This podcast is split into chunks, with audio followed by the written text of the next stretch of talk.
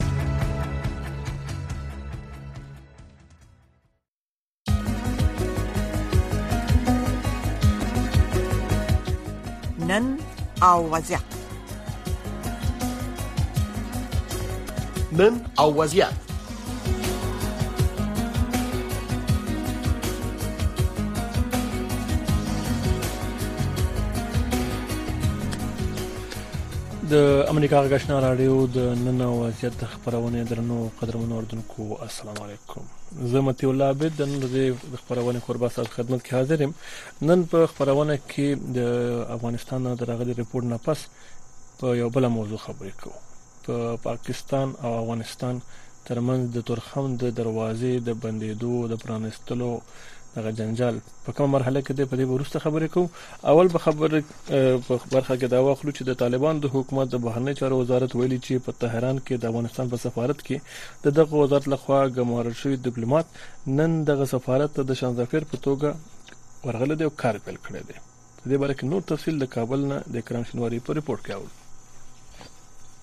په تهران کې د ایران د بهرنی چارو وزارت ته تیر اونۍ د افغانستان د سفیر عبدالقیوم سلیماني غوښتل او دغه وزارت لخوا هغه ته د ماموریت د پای ته رسیدو د اطلاع د ورکولو وروسته اوس د ایران د حکومت لخوا د افغانستان سفارت د طالبانو د بهرنی چارو وزارت لخوا ګمارل شو ډیپلوماټانو ته سپارل شوې دي د طالبانو د حکومت د بهرنی چارو وزارت ویلي چې په تهران کې د افغانستان د سفارت لپاره د دغه وزارت لخوا ګمارل شوی نوې شر داپیر مولوی فضل محمد حقانی به د دوشنبه پورز د افغانستان په سفارت کې خپل کار پیل د بهرنیو چارو وزارت مرستیال ویاند ضیا احمد تکل د ایران لخوا د طالبان د حکومت لخوا نومول شوی ډیپلوماټ ته د افغانستان سفارت سپارل د ایران سره په اړیکو کې یو مهم ګام بللی دی. د دې لپاره چې په ایران کې د میشتو وطنوالو لپاره د سفارت په خدماتو کې خنډ او ځنډ را نه شي، د بهرنیو چارو وزارت رهبرۍ پرېکړه وکړه چې نن سهار له کابل څخه د مجربو ډیپلوماټانو یو اووه کسیزه ټیم تهران کې د افغانستان سفارت ته واستوي تر څو د نوي شارزاپیر تر څنګ خپلو هیوادوالو ته خدمات وړاندې کړي. د یکشنبې په ورځ د افغانستان په سفارت کې یو افغان دیپلومات امریکا غږ ته ویل چې د ایران د بهرنیو چارو وزارت د غوښتنې پر اساس د افغانستان د پخواني حکومت سفیر په تهران کې د سفارت دروازه وتړله او د دغه سفارت کیلي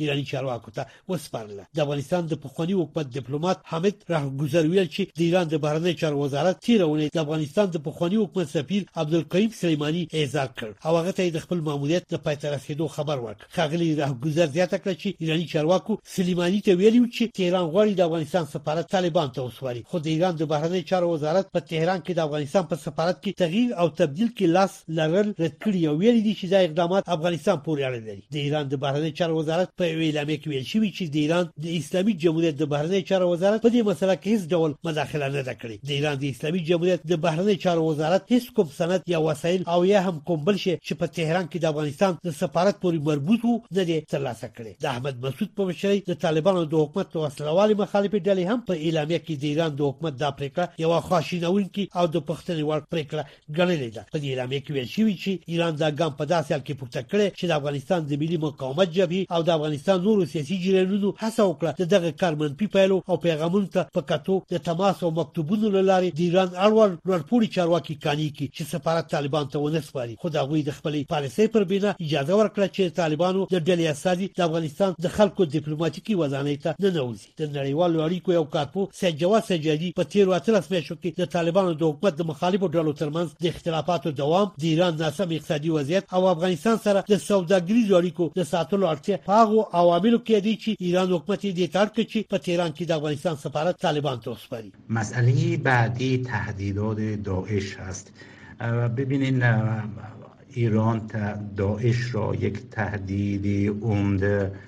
در منطقه قلمداد میکنه و همواره خودش را یک جبهه مقدمی در خط مبارزه با داعش قلمداد میکنه بنابراین وجود و حضور طالبان در مرزهای شرقی ایران بهترین گزینه است که ایران بتواند از طالبان جهت ضربه زدن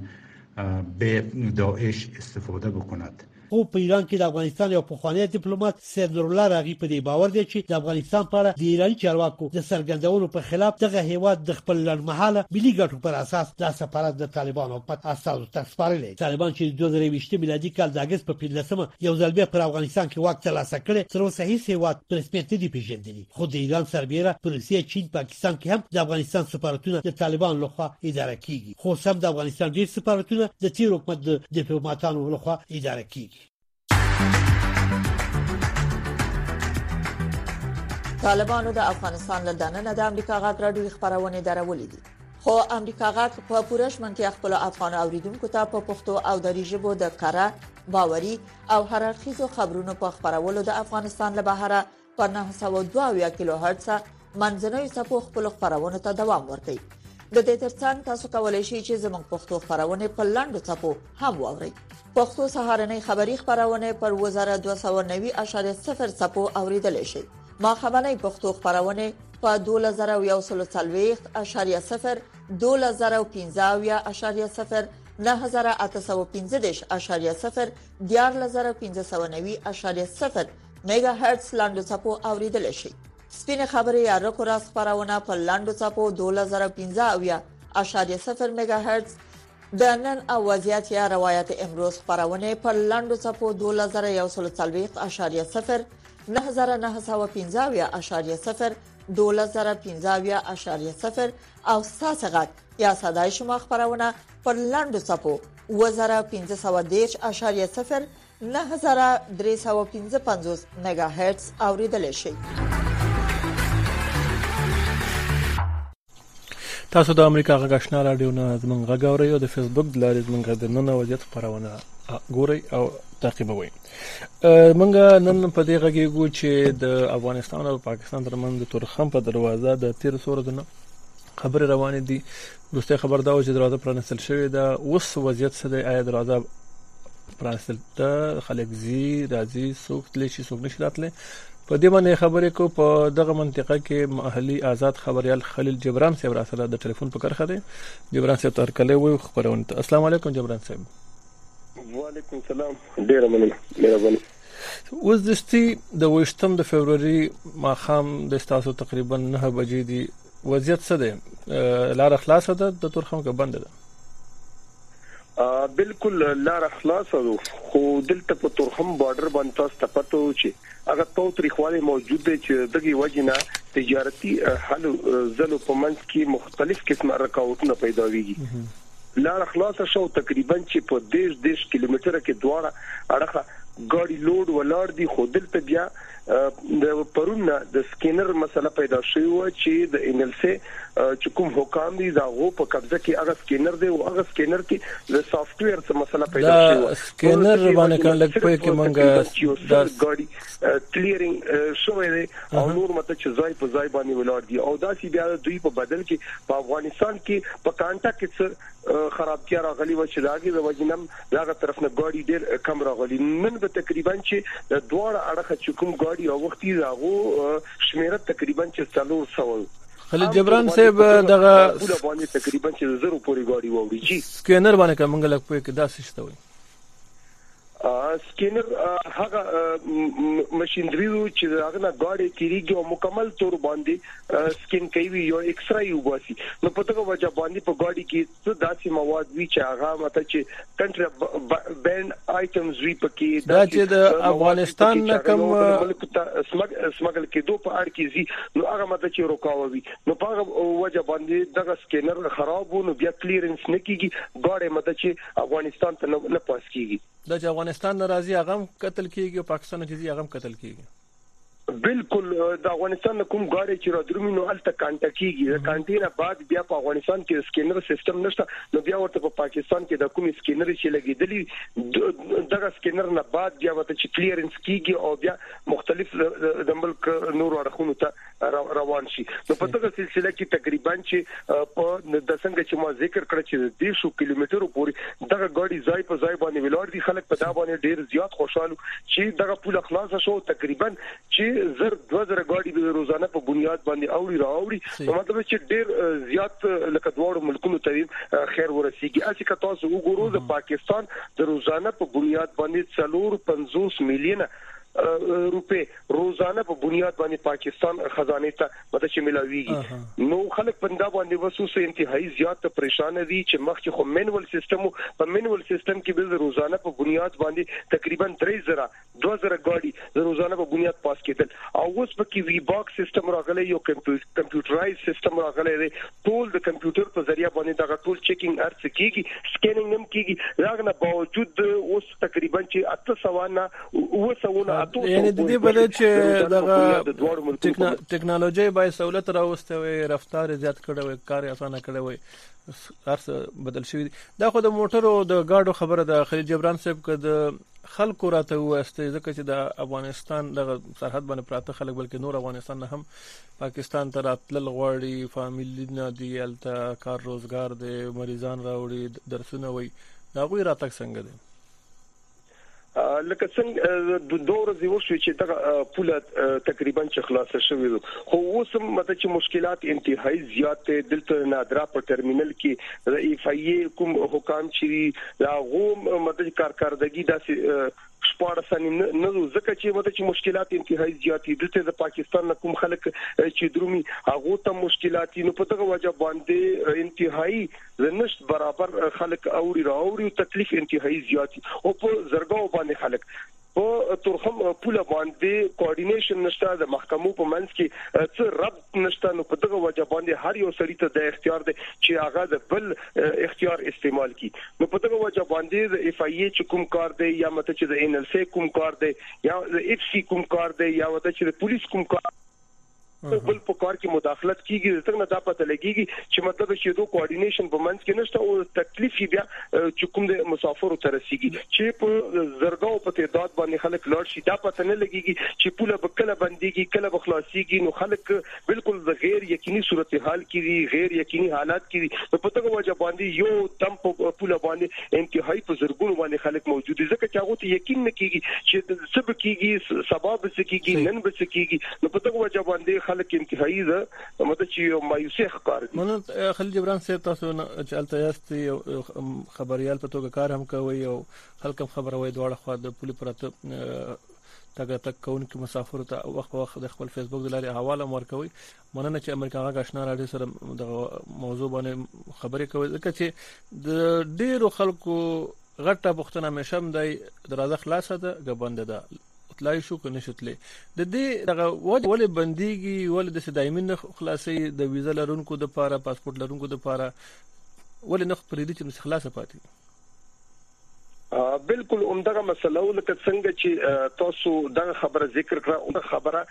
چې کوم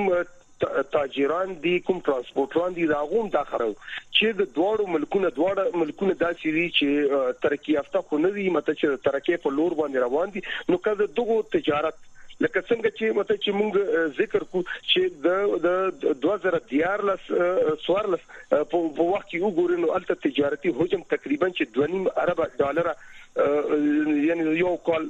حساب کې جوړېدو او اوس تقریبا چې اتیا نه او یا نه اتیا کروڑ ډالر تر غورځیدل تجارت مته چې پاغه وخت کې کم او پکار دي سہولتونه اوس زیات شول چې اوس مطلب چې زیات کېده دغه سی کته مسافر واخلي چې مسافر په هغه وخت کې به روزانه په بنیاد په زرګاو لزرا 15 لزرا د خلک به اوختل راوختل او اوس چې تو ګوري مته چې 3000 سلور زرو ته دغه راغورځېدلی نو مطلب چې سہولیات زیات شوي دي خو مشکلات ور سره مطلب چې انتهایی زیات شوي نو خلک په دا باندې انتهایی زیات خپي ځکه چې د پیښور نه یو کس افغاني را درومي نو ځای په ځای باندې دای تنګيږي ځای په ځای باندې مطلب چې دلته ورته پټکونو کې تکلیفونه پیخيږي بیا چې دغه طرف ته راوړي نو بیا ورته تکلیفونه مته چې پاغه طرف ته او پیښې په دغه وجه باندې زیات خلک کوشش کوي چې ودا چې رانه شي ولته چې کوم ضرورتونه یې هغه ځان ته پوره کړي نو کته مشکلات کم وي نو بیا هم ودا چې دلته آمدن بم ته زیات وي دغه علاقو ځکه چې دلته د نږدې کومې خاريي چې وسري پاغه کې روزانه په بنیاد خلک راتلل او روزانه په بنیاد وتلل نو ځان سره خامخا ګنده غوټه جبران صاحب که دغه راته وي مننه د کو وخت موږ سره ومن د خبرونه ډیر زیات نشل د خو پورې موږ وخت لرو پندل د خو کې موږ غواړو چې زیات نه زیات تاسو سره د خبرې شریک کو پښتنه د نواخلو ځکه چې ډیر اساس ځای دی دا راته وایسته چې پاکستان افغانستان ته تلل سخت دي که ورته راتلل سخت دي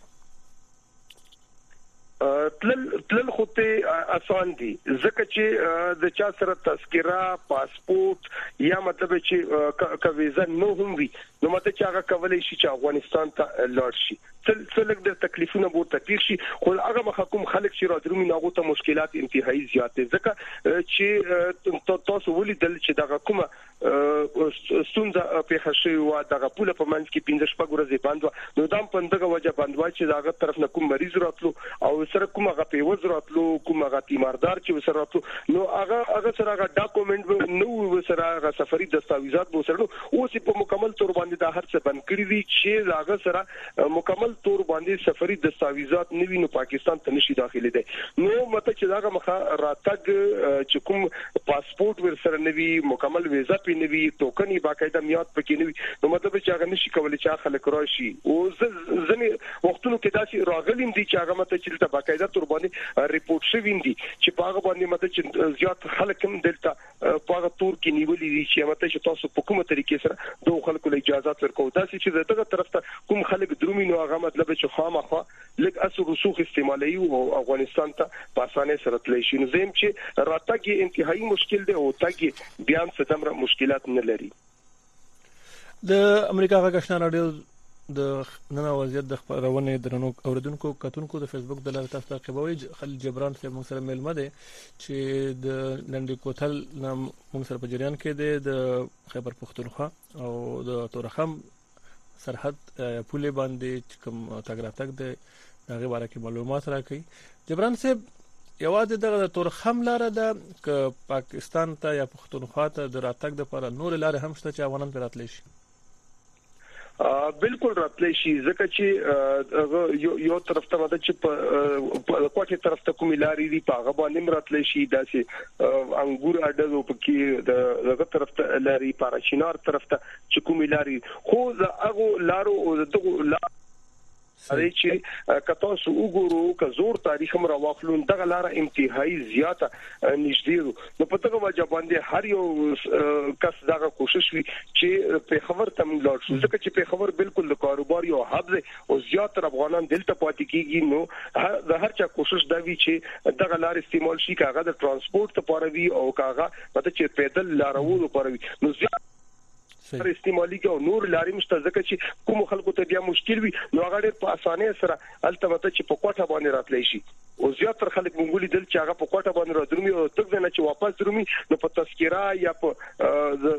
افغان سټیزن کارت وغیرہ ورسره وي پاسپورت او ویزه هم ورسره نه وي نو په دغه لار باندې واپس درومي بیا چې تپوس چې کینو مده چې هغه د کوټې په لار باندې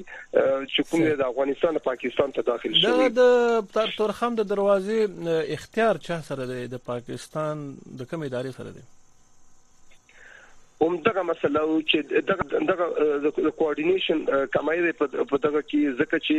با په بار بار باندې مونږ د لنډي کوتل که پریس کلب واخلي که نور مت چې خبريالان واخلي اکثر دغه مشکلات ورته وی چې موږ ته الته ورژن نه ملاويږي چې موږ مت چې د چانه ته پوسو کو چې ته د کوم مشکل پیدا شوی د چانه ته پوسو بیا که تو ګوري اختیار د هر چا سره په تورخم کې دی چې په کوم طرف باندې درومي نو هر یو محکمه په ځای ځای باندې ولاړی خو بیا کته مت چې د ورژن تپوس کې چې رمت د کوم مشکل پیښ د چانه تپوس کو نو بلکل یوه اداره داسې نشته چې هغه مطلب چې جوابده وي تاته نو مطلب چې دلته آل ان آل اختیارات هر چا په لاس کې نو دغه وجه نه دغه مشکل پیدا دی چې د ان ال سي کوم کار دی هغه مطلب چې نېشنل لاجستیک سیل دی یا د کسٹم چې کوم کار دی نو هغه مطلب چې کلیرنس دی د اف ای چې کوم کار دی هغه مطلب چې د مسافرو کلیر کېدل دی پکې نو دغه ټول اختیارات او ذمہ داری چې په صحیح طریقې سره نه ادا کیږي نو ځکه دغه مشکل دی کاغه د ترانسپورت په حواله سره دی کاغه تجارت په حواله سره دی کاغه د مسافرو د تګ په حوالې سره دغه مشکل موجود دی، نو ځکه د دواړو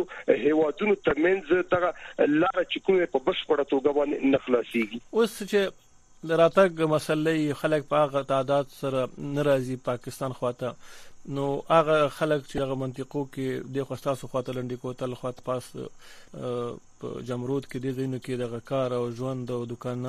دکانداران او کاروباریان او د دې خو په ژوند ډېر غزمن شوی د لارې د بندش په وجه باندې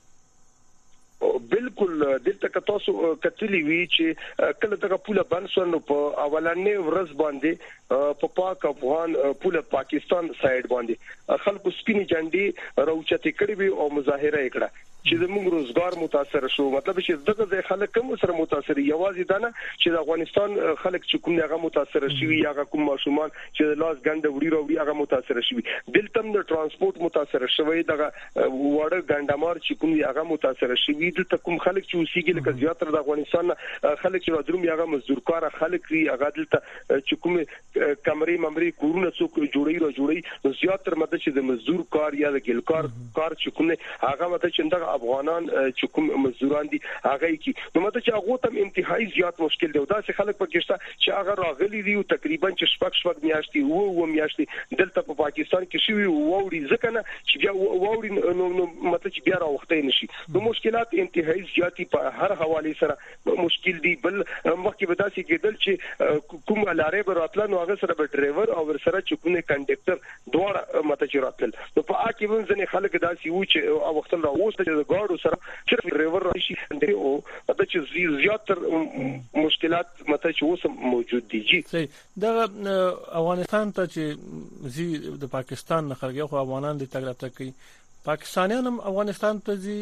که څه معلومات لري چې هغه افغانستان ته څه برازي بالکل زی دلته د روزانه په بنیاد باندې که په ترخم کې په محدوده پیمانه باندې واخلې خو تقریبا چې د روزانه په بنیاد باندې 300 څلور سو کسان خو ماته چې روزانه په بنیاد اوړي راوړي د روزانه په بنیاد باندې چې هلته مته چې ګنډه غوټه کی او ځنې داسې خلک دي چې هغه په جلال آباد کابل کې کاروبار دي نو هغه تقریبا چې د فیصد په حواله سره وخت نو 15% خلک داسې شته چې جلال آباد کابل کې چې کوم کاروبارونه دي نو دا غو لپاره زیرو زی افتا 2 3 مته چې میاشتو پورې تیری او بیا واپس راځي بیرته پاسان را تللی شي خپل وطن ته پوه نه شوم ډیر په اسانه بیرته راتلای شي دا د پاکستان څوک تابعیت لري پاسپورت لري شناختی کارت لري بالکل بالکل خو په اسانه باندې دا غو تک ځکه چې هغه چې زینو ځان سره مکمل تور باندې هغه سفري دستاویزات ورسره وي نو هغه کولای شي چې الته لاړم شي او خو په اسانه سره واپس هم یعنی کې افغانستان د پاکستان راتلونکو ته دونه مشکل نه پیدا کوي څومره چې پاکستان افغانستان راتلونکو ته مشکل پیدا کوي بلکل همدغه څه وو چه دافغانستان نه کوم خلک رادرومی نو مته چه انتهایی زیات چیکینګ یی کیږی اوس خو مته چه نورم دغه کیسه ورته سخته شوه ځکه چه مخکی یو بیام لږ ډیر هغه چانس ورته وو چه دلته راشی په پاسپورت کی څه مته چه میاد ختم یا څه مشکلات به ورته وو اوس خو بلکل ډیره زیاته سختی ورته جوړه شوه نو په دغه وجه باندی مته چه خلک اوس په مشکل سره چې کوم دې دلته راوړي اوس زیاتره چې هغه ورسته تاسو موږ سره مراکم کړي او بیا موږ چې کوم خبرونه هم درلودل چې د افغانستان کې کوم واکمن چارواکي د طالبانو بیا د پاکستان چې کوم دغه د واک لري په پوله باندې د ترمنځ ملاقاتونه غونډې وشوي څه د فیصله ونه شو چې دایمي حل د تورخم د دروازې راوباسي بالکل دایمي حل ځکه نه راوځي چې کته سو وکتل نو دغه پوله چې بند شي و نو په دغه کې دلته مقامی چې کوم په پوله باندې قائم چا په خپل حکم باندې دغه پوله بند کړی وه نو بیا پاکستانی واکدار چی کوم دی هغو نه کوله اوله ځکه چی په معاملی خبره باندی دغه پوله بندیږی نو بیا زموږ څه ضرورت نو بیا هغه مسله چی کوم د اسلام آباد او د کابل په منځ کی هغه لږ ډیر تاو تریخوالی کم شو خو بیا په دغه منځ کی دوه دري ميټينګونه د فليګ ميټينګ ونه په پاک افغان پوله باندې وشو خو څه داسې نتيجه يې رانغله پوله خو خلاصه شو خو هغه تو تريخواله موجود دی لکه څنګه چې موږ د خبرو په پهل کې دا خبره ذکر کړه چې دلته سکينر خراب شي نو الته کانټه خراب شي څه یو داسې ترتیب جوړ دی چې د دغه نه 200 غاډي ور درومي نو 200 افغانستان را پرېږدي کتري سو دغه نه ور درومي 300 هغه طرف ته را پرېږدي کڅلور سو پرېږدي نو په دغه صاحب سره مطلب چې هغه تو تریخواله موجود دی او اوس هم مطلب چې داسي مذاکرات په منځ کې نه شوي چې د دوړو ملکونو هغه کومي مجبورې چې دی هغه کوم د فائدې ولا لارې چې هغه وکتل شي داسي موثره جرګه په منځ کې کی چې دغه تو تریخواله ختم کی اوس که تجارت روانم دی نو تو تریخواله منځ کې موجود دی دلته مکاني ترانسپورټران تاجران، کسټم کليرنس ايجنټان دا ټول انتهايي په د پريشانۍ په عالم کې وي او هغو ته دا پته لګيږي چې دواړه ملکونه مته چې پوهيږي په دا خو بيا کله د سکینر مسله کله هغه طرف ته د کانټي مسله نو دغه سره پیداوي نو دغه تو تریخواله موجود دی دوی که هر څومره فلیګ میټینګونه وکړي د فلیګ میټینګونو تاریخ چې راوغلي تقریبا چې دوه درې کالو نه مسلسل په پوله باندې فلیګ میټینګ کیږي پاکي د افغانستان او د پاکستان واکداران چې کوم دی شریکیږي خو څه داسې نتیجه راونه وته چې خلکو ته فائدہ ورکړي ځکه چې فالو اپ نه کیږي چې په هغه تیر میټینګ کې کوم مشکلات مونږ بیان کړیو په نوي کې به مته چې هغه مشکلات بیا ذکر شي خو هغه پکې نه ذکر کیږي نو په دغه وجه باندې هر یو میټینګ ته نوې میټینګ ویلې شي چې هغه تېرې کومې خبرې وي په هغو باندې هېڅ قسمه غور نه کېږي، نو په دغه وجه باندې هغه تاوتریخوالی موجود دی، خو هېڅ قسمه داسې پېشرفت ونه شو چې ولس ته ترې فایده ورسېږي، تاجرانو ته ترې فایده ورسېږي، د کسټم کلیرنس اېجنټانو ته فایده ورسېږي یا د پولې دواړه غاړه کوم نږدې خلک چې وي هغو ته فایده ورسېږي، نو انتهايي زیات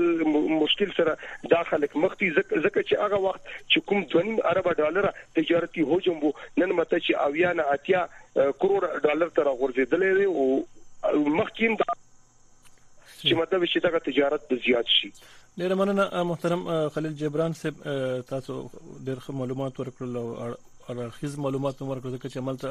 ساحه کې یاست چې کوم ځای د تورخم د دروازې نه تیرېدونکو خلک دي کاغه افغانستان ته دي که پاکستان ته دي کاغه مسافر دي او که مسافر وړونکي سورلې دي او که تجارت وړونکي مال وړونکي موټر او غلارې دي نو لنډه خبره که دا راته وکړي چې داسې امیدواري شته که نشته امید چې بالکل نه څرګندېږي او دا ځکه نه څرګندېږي چې د دواړو هیوادونو ترمنځ دلته توتریخواله اسلام آباد او د کابل په منځ کې توتریخواله عملاً مته چې دا ضرورت خو محسوسيږي چې د دواړو ملکونو په منځ کې لکه دواړه ملکونه خلک د چې دغه ورکی عمومي چې په خاطر حکومت سره د پاکستان د حکومت ځنې ستونزې وي اوس چې کابل کې کوم حکومت د دې باره کې ویل کېږي چې افغانستان او پاکستان منځ کې اړیکې ښې دي نو اوس ولې سره وړاندې او بالکل نه وي ښه دا دا افغان افغانستان هغه چارواکي چې کومي هغه په دغه پوزیشن باندې نه وي هغه انتهایی زیات خپوي زه معاملي خبر نه چې هغه کومه زنانه و ورسره کوم پیوزو آی نه پر خو نو فایرینګ طرف ته خبر لاړه او فایرینګ په منځ کې وشو تاو تریخواله په منځ کې راغې له هغه نه بعد دغه کوشش خو وشو چې د دواړو ملکونو په منځ کې بیا هغه سیز فایر یو قسم له وشي او مته چې د کاروباري هلې ځلې روانې شي خو اوس د کاروباري هلو ځلو کې دا کوم مشکل چې پیداویږي نو دلته مقامي خلک د افغان حکومت چې کوم چارواکي دي هغه په دا باندې خبر دي چې دغه کومې مسلې چې جوړیږي مته چې خو خبر دي په دا باندې چې دغه مسلې نشته خو په زور باندې دا خبر جوړي یو بل سره زور ورکوي او دغه زور چې کوم دی هغه له عوامو نه وځي د ترانسپورټرانو نه وځي تاجرانو نه وځي زیات تر خلک به د چې مختلفو بارډرو طرف ته منتقل شوي د خپل کاروبارونه یې منتقل کړي دي او افغانستان حکومت هم په دغه کې لګیا دی چې مده چې د نورو هیوادونو سره زمونږ هغه مده چې اګریمنټونه وشي چې دغه مشکل مته چې مستقل لپاره حل شي خو دغه لار انتهایی زیاته نږدې تاریخ داسې پاتې شوی نو هر ملک دا کوشش دی چې مده چې دغه تورخم پوله د استعمال شي ځکه چې خرچم په کم را درومي او ډیر نږدې مو ډیر ډیر مننه زر مطلب چې ورځي په بنیاد باندې ګاډي یو سر نه بل سر ته رسیدي خلیل جبران صاحب